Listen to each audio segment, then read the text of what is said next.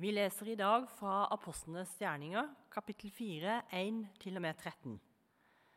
Det er Peter og Johannes som er for rådet. Mens de ennå talte til folket, ble de overrasket av prestene, sjefen for tempelvakten og sadukeerne, som var opprørt over at de underviste folket og forkynte oppstandelse fra de døde ved Jesus. De pågrep dem og satte dem i fengsel til dagen etter, for det var allerede blitt seint. Men mange av dem som hadde hørt budskapet, kom til tro. Og tallet på menn var nå omkring 5000. Dagen etter kom jødenes rådsherrer, de eldste og de skriftlærde, sammen i Jerusalem. Også overpresten Annas var der, og Kaifas, Johannes og Aleksander sammen med de andre som var i slekt med øverprestene. De lot apostlene bli ført frem og forhørte dem. Med hvilken kraft og i hvilket navn har dere gjort dette? Da ble Peter fylt av Den hellige ånd og svarte dem. Rådsherre og eldste i folket. Når vi i dag blir forhørt pga. en velgjerning mot en syk mann, og blir spurt om hvordan han er blitt helbredet, så skal dere alle og hele Israels folk vite dette. Når denne mannen står frisk foran dere, er det ved navnet til Jesus Kristus, Nazareren, han som dere korsfestet, men som Gud har reist opp fra de døde. Han er steinen som ble vraket av dere bygningsmenn men som er blitt hjørnestein. Det finnes ikke frelse i noen annen. For under himmelen er det ikke gitt mennesker noe navn som vi kan bli frelst ved. Da de så hvor frimodig Peter og Johannes var, og forsto at de var ulærde menn av folket, undret de seg. De visste at de hadde vært sammen med Jesus. I 2018 så gjorde en eh, stor organisasjon i USA som heter Barna, de gjorde en studie på eh, kristne. De intervjua 1000 stykk. Og så så de hva er forskjellen mellom generasjonene. Hva er forskjellen fra de eldste til de eh, som de da kaller for babyboomers, de som er født etter krigen, til de som er Gen X, som er sånn født mellom 83 og 65. Eh, og de som da heter millennials, som er født fra 83 til 1998. Mange i den kategorien her, og noen yngre. Men hva, var forskjellen på dem? Da så de at eh, hvis dere ser på dem der, ikke så stor forskjell. Øverst så står det Part of my faith means being a witness about Jesus. Altså, Det å være kristen handler litt til en viss grad om å vitne om Jesus. Og det neste er Den beste tingen jeg kan ønske for mine nærmeste, er at de skal kjenne Jesus. Og eh, Nesten alle svarer ja på det.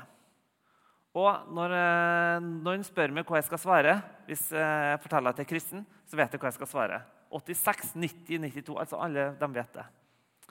Og som, eh, hvis dere ser da, Millennials, det er de til venstre, de eh, sier til og med 75 av dem nesten sier at eh, jeg kan ikke bare vite hva jeg skal fortelle når folk spør meg om jeg er kristen. Jeg har også et talent for det.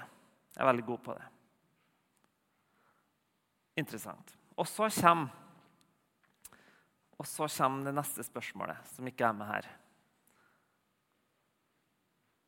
Og det var spørsmålet, eller påstanden. Det er feil, det er galt å dele min personlige tro med et annet menneske i håp om at de en gang skal få samme tro som meg. Der svarer nesten 50% av kristne, millennials, min generasjon, ja. Det er galt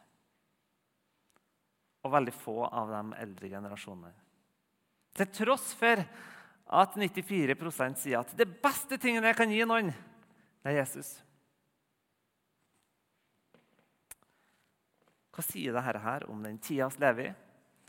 Hva sier dette her om vårt oppdrag? Også inne i taleserien Fortsettelse følger, hvor vi gjennom apostelens gjerninger blir kjent med de første kristne og ser hva som skjedde med dem, hva var som kjennetegna dem, og hvordan kan oss inspireres.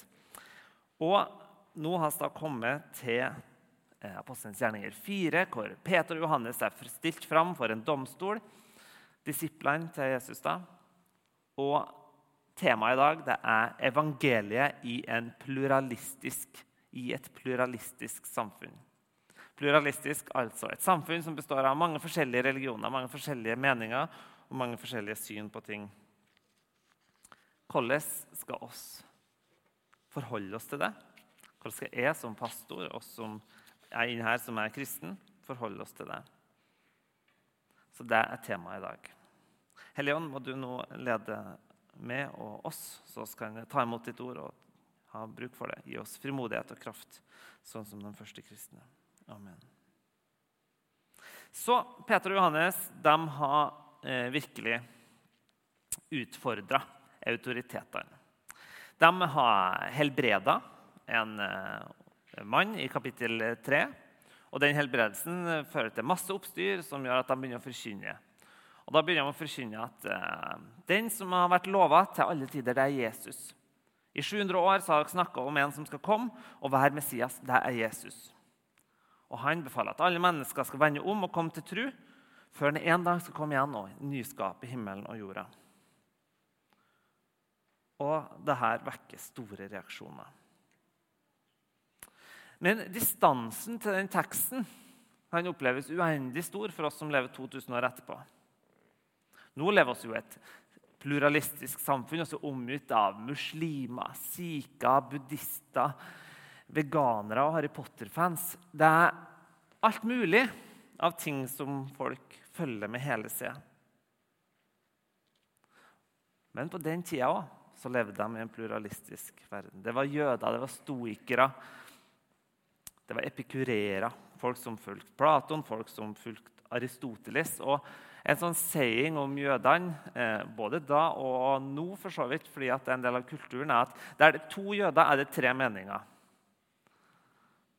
En, eh, de sier det sjøl, det er et sånn eh, fordom. Men jeg, var i Israel, og da sier de det. Og de er stolte av fordi at de har en debattkultur som tillater Så det var ikke sånn at her kom de til en ensretta sted. For Romerne har tatt over grekerne sitt prosjekt med å, gjøre, med å skape enhet i hele denne kjente verden, med samme språk og samme byer. og alt mulig sånn.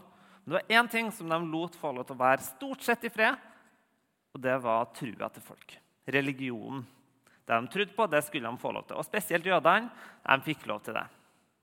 Hvorfor da?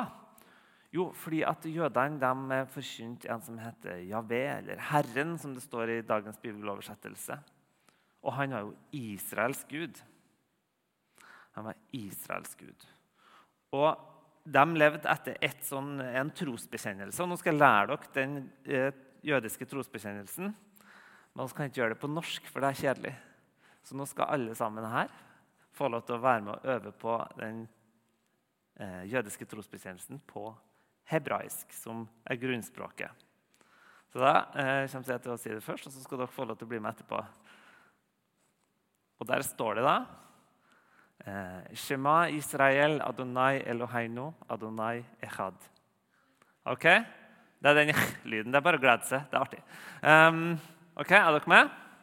Shema Israel Adonai Eloheino, Adonai Echad. Oi! Dere var kjempeflinke. Det må vi ta en til.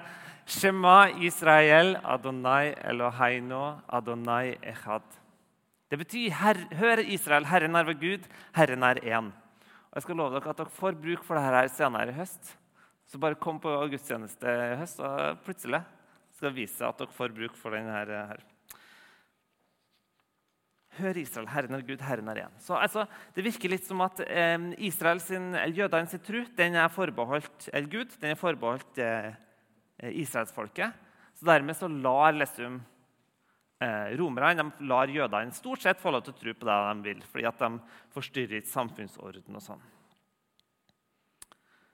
Men her kommer vi inn til kjernen av konflikten. Fordi jødene, eller eh, israelsfolket på den tida, de har en tanke om at de var annerledes enn på en måte alle andre, og at de har en spesiell relasjon til Gud. Så når da Peter og Johannes kommer og sier at det der er vi ferdig med nå har, nå har Jesus kommet. Nå er det han som er veien til Gud. For alle folk, ikke bare israelitter, alle folk, så skaper det enorm provokasjon. Så denne Gjengen med kristne de fikk lov til å holde på litt for seg sjøl Salomos eh, søylegang. der, Men nå begynner de å bli 5000 mennesker, og nå begynner de å få innflytelse. Og de begynner å si at alle må tro på Jesus for å bli frelst. Til og med dem som er jøder. De som er en del av frelsespakten. Og det vekker jo enormt provokasjon.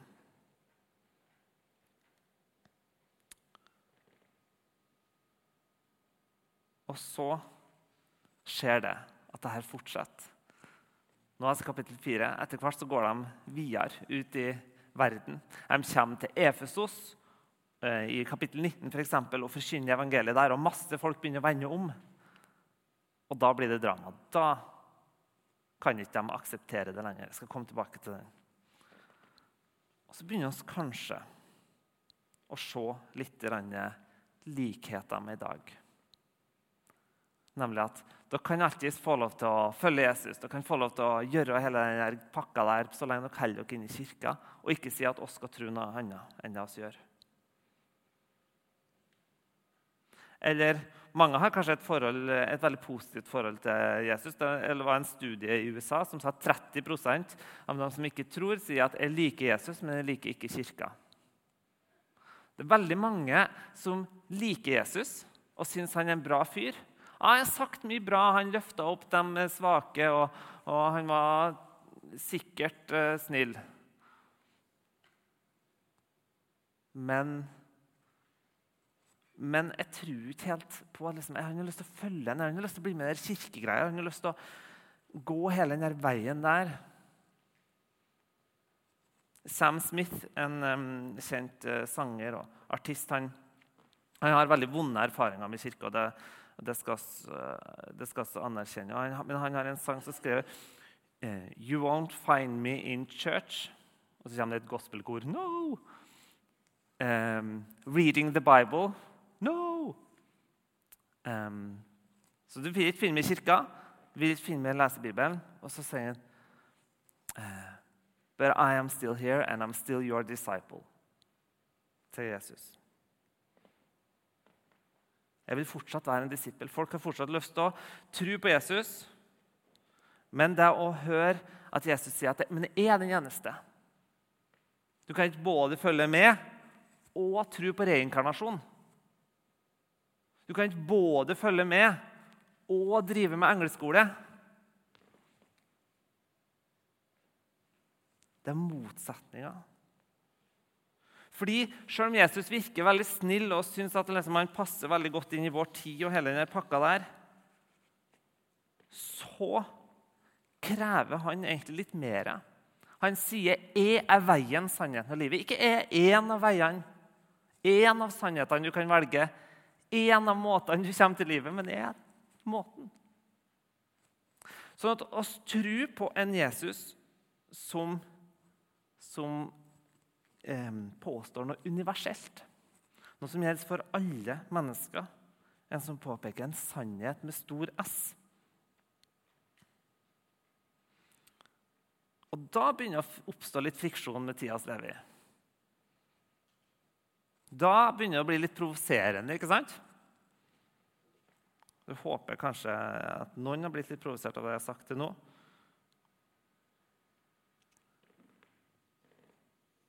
Men både Peter og Johannes senere, når de, når de går tilbake eh, Både Peter og Johannes har skrevet eh, tre brev i slutten av eh, eh Unnskyld, Peter har skrevet to. Eh, I slutten av, eh, av Bibelen.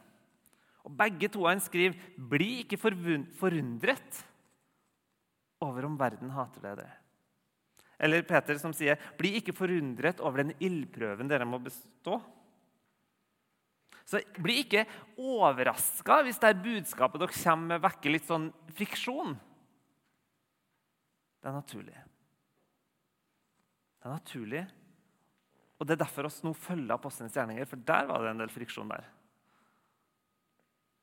Og så får vi be om at vi slipper noen av de følgene de måtte kjenne på.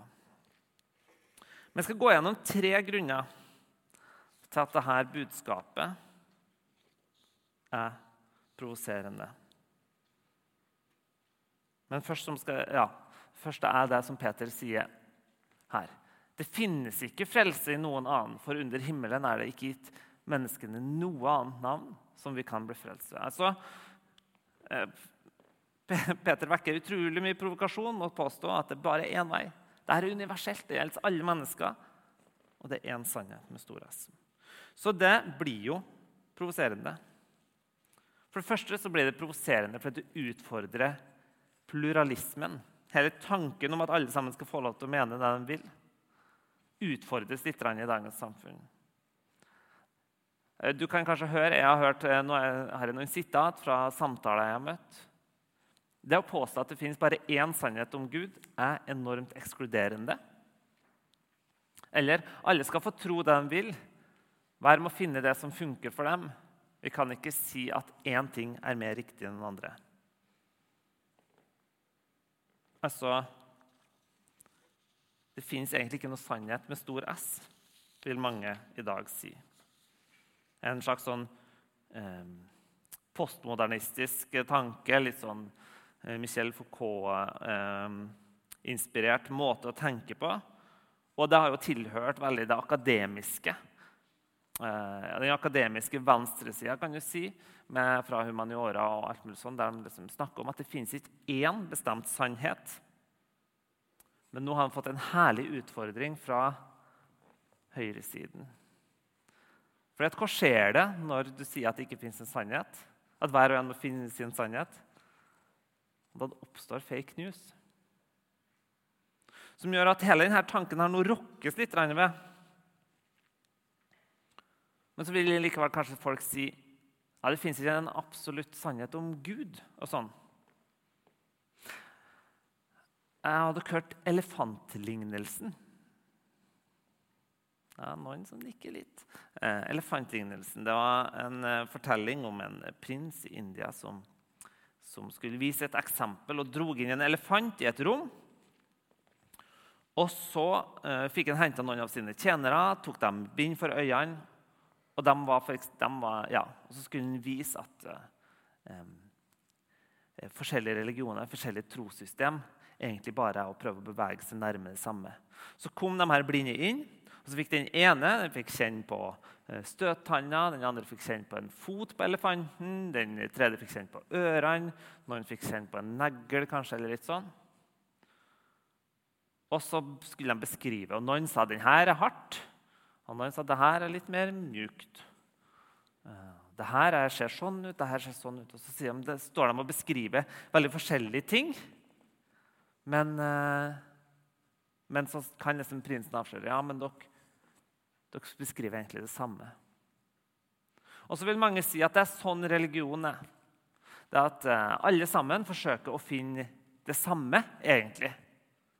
Både jøder, buddhister, muslimer, hinduister. Egentlig alle sammen driver og prøver å forklare det samme. Det er bare at vi har bind for øynene, så det er veldig vanskelig å få det til. Det er to problem med denne tingen her. For det første så er det at religionene i dag sier diametralt motsatte ting. Sånn det, det, er litt vanskelig å se for seg at de egentlig driver og prøver å beskrive det samme når hinduister forklarer livet med karma. og atlesum. sånn som du handler nå, vil få konsekvenser for neste liv. sånn at Hvis du er langt ned på rangstigen, eller et dyr, eller eller så betyr det at du har gjort noe galt i forrige liv. Mens det er jo veldig motsatt av tankegangen som, som Jesus har. Som møter denne eh, lamme mannen og sier at det er ikke han som har synda, det er ikke foreldra som har det. Men nå skal Guds herlighet bli åpenbart. Veldig forskjellig. Eller noen som har eh, Eller noen som sier at eh, du må gjøre sånn og sånn og sånn, og sånn for å bli frelst. Du må oppnå det og det og det. og det, og det. Eller buddhismen som sier du må bli mindre og mindre og mindre det sjøl, og til slutt bli intet. Det er et problem. Altså, første problemet er at oss beskriver helt forskjellige ting. Det går ikke an å både være kristen og buddhist, fordi det er en del motsetninger der. Så du må på et visst vis velge. Og til slutt så ender du kanskje opp med å lage en miks som funker for det, men kanskje bare din egen logikk. Og tør du å stole så mye på det? Og Det andre problemet med elefantlignelsen er at, noen, at den forutsetter at det er noen som vet at det er en elefant. Hele poenget var at det var en prins som dro inn i den elefanten. Og han vet åpenbart den ultimate sannheten, så han vet alt sammen. Han vet at en elefant både har hoggtann og er ikke hoggtann. Det heter vel ikke. Men uh, støtstann heter det. Uh, det hadde vært gøy om elefanter er hoggtann. Det hadde vært litt skumlere. At de har uh, og ører og føtter og hele pakka. Og Det er det som er utfordringa med å påstå at ja, det fins ikke noe én religion som er mer sann enn noe annet. Det er som alle sammen det samme forsøk. Det å påstå det er det samme som å påstå at du vet bedre enn alle andre. Det å påstå at det ikke fins noe sannhet, er å påstå en sannhet. Det å si at det ikke fins noen religioner som har det rette svaret, er å komme med et rett svar.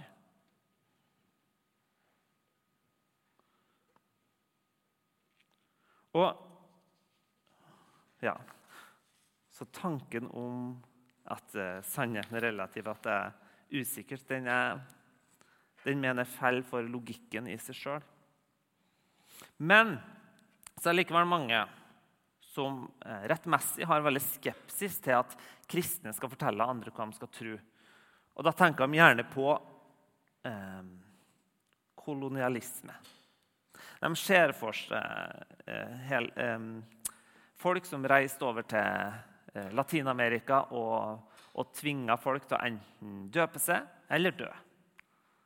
De ser for seg ja. Og det er veldig mye det må anerkjennes, det er veldig mye vondt som er gjort i Guds navn. Og selv om det er veldig mye som er unyansert når det kommer til beskrivelsen av både kolonitida men også, og kristne, muslim, nei, kristne misjonærer, så, så er det gjort store overgrep. Og det har vært gjort kolonialisme. Og Det vet oss at det har hatt store konsekvenser, og ingen er uenig i det. Men har det slutta? Det som jeg synes er interessant, at Mange av dem som er mest kritiske, altså som beveger seg inn i sånn postkolonial teori, som det da heter. Det kan dere glemme hvis dere ikke forsto det ordet. De er òg noen av dem som er mest kritisk, nei, mest opptatt av at uh, land i sør skal adoptere samme syn på kjønn, likestilling, seksualitet, frihandel gjerne. De skal bygge opp samfunnet litt på samme måte som oss. Og Hvis du spør land, land, i sør nå, så vil de si at nei, kolonialiseringa er stoppa. For dere holder på fortsatt. Dere holder på å prøve å få oss til å endre våre tradisjoner. Og så har levd med dem her i alle de år, og nå er plutselig tradisjonene våre skadelige. Det er en form for misjon, det. Og misjonsorganisasjoner sånn som Frikirka er helt åpne på at vi jobber med likestilling. løfter opp kvinner. Men også er jeg helt ærlig på at det er misjon. Vi bruker ikke makten som ligger i økonomiske sanksjoner eller sterke muskler for å overbevise. Så det som er provoserende at, at, Jesus og budskapet utfordrer pluralismen. Det neste er at det utfordrer makta. Plutselig sto de jødiske rådsherrene og ble veldig utfordra. Deres makt. Men les du senere i kapittel 19 når, eh, i Efesos, som jeg nevnte i stad, med Paulus, som starter en disippeltreningsskole over to år. Og De får lov til å holde på som de vil. og bla, bla, bla. Det skjer ingenting mot motsetninger. Men så skjer det plutselig at de her skal ut i verden. Og så blir veldig mange kjent med Jesus. veldig mange omvender seg. Hva som skjer da? Jo, de som driver og lager guder altså De, de lagde sånne guder som de til Rafa, som de kalte det, som de solgte. Sølvsmeder og alt mulig sånn. De solgte til Rafa. Og plutselig forsvant hele markedet til Artemis. Det er hun som er bildet av der, det var gudinne. Plutselig forsvant hele markedet. så økonomiske, Det ble økonomiske problemer i byen fordi at folk ikke trodde på den gamle religionen lenger. Og da blir det problem. Og da sier de eh, de her men Paulus og denne gjengen her, de driver og forteller oss at de tingene vi lager med han, ikke er guder. For forferdelige folk er det. Og så har hun lagd masse guder her, og så forteller de at de ikke er guder. Så det her må man få et, en slutt på. De går imot Paulus og hele gjengen. Hva skjedde hvis Paulus var bare sånn Nei, men du, da trekker vi oss ut drar til Korint i stedet. Hvis, hvis dette her skaper litt trøbbel for dere, så stikk oss. Hva skjedde da? Hva skjedde da hvis det var innstillinga til apostlene? Hva skjedde hvis Martin Luther bare fikk denne overbevisninga om at nåden og trua den bør være tilgjengelig for alle, så jeg skal oversette Bibelen til tysk, og jeg skal forkynne et nytt evangelium. Hva om den overbevisninga bare ble i klosteret den kvelden? Og han ikke gikk til Slottskapellet i Wittenberg og spikra det opp på kista. Nei, på, ikke på kista, men på døra. Eller hva har skjedd om Rosa Parks bare flytta seg og tenkte ja, ja, ja. Jeg er nå imot denne raseskillegreia, men jeg kan jo bare la det være. Jeg har jo Jesus.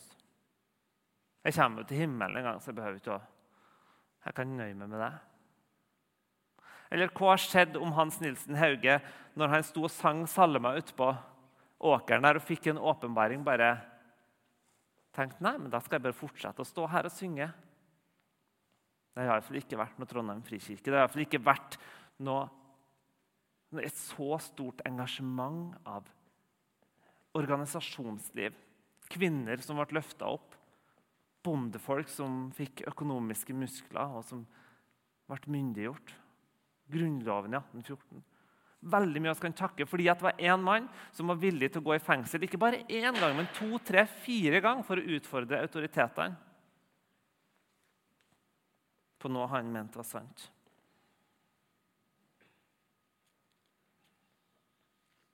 For det er provoserende når et budskap utfordrer makten. Og så var det ikke sånn at en unødvendig skal provosere makten. Nei, en skal forholde seg til myndighetene en er, og prøve å operere innenfor dem.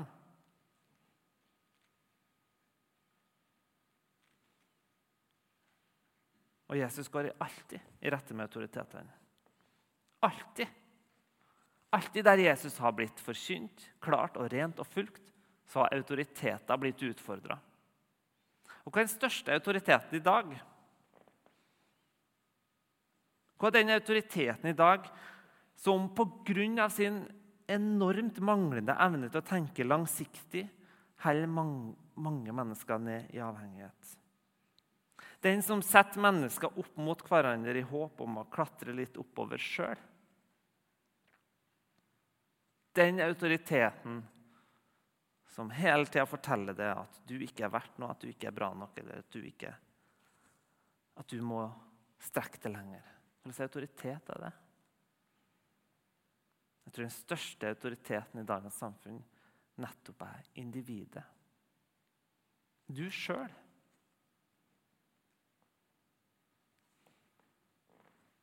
der vil Jesus utfordre. Der utfordrer han meg hver dag. For å si, Men Ingebrigt, er ditt prosjekt? Gjør ikke bare som du vil nå. Har ikke du egentlig satt deg sjøl over meg? Over mitt ord?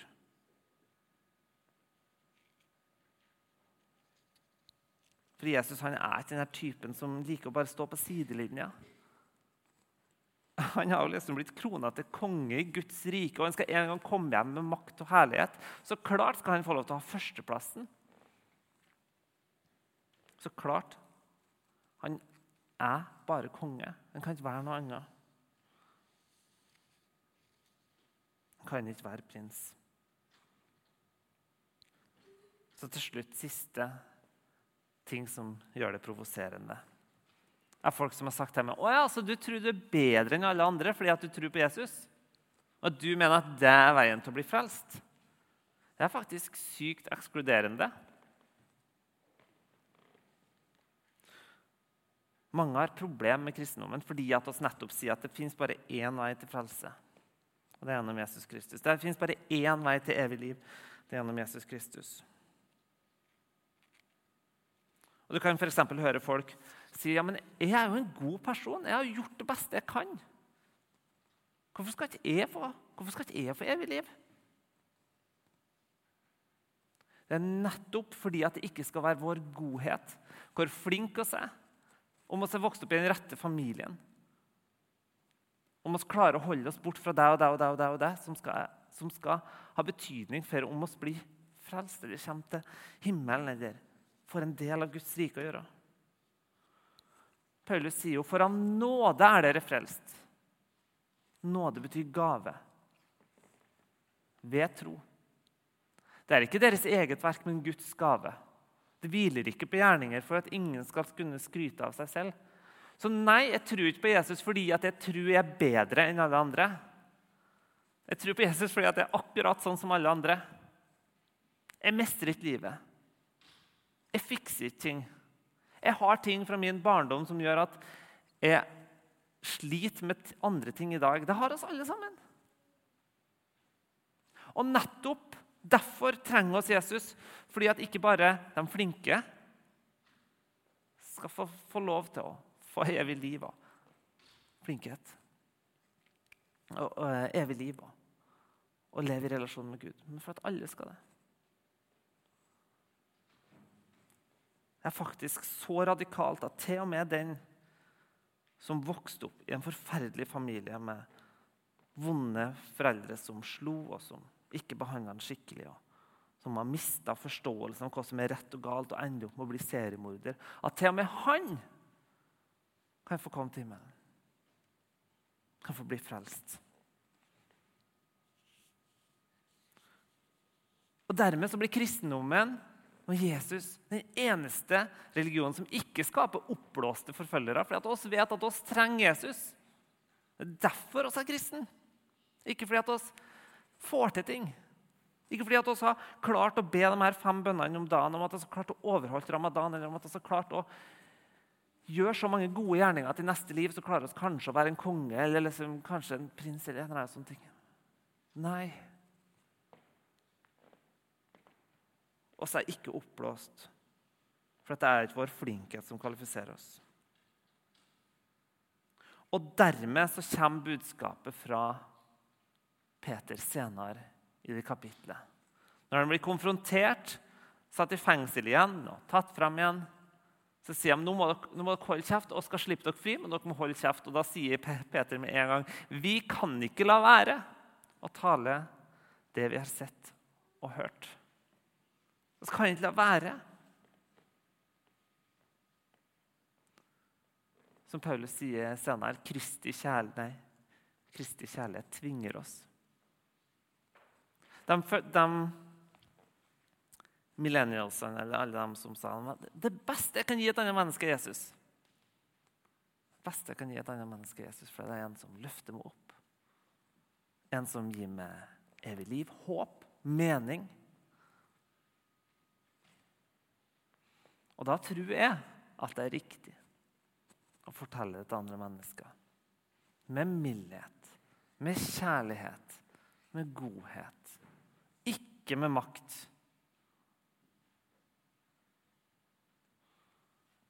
Men vi kan ikke la være å tale om det vi har sett og hørt. Amen.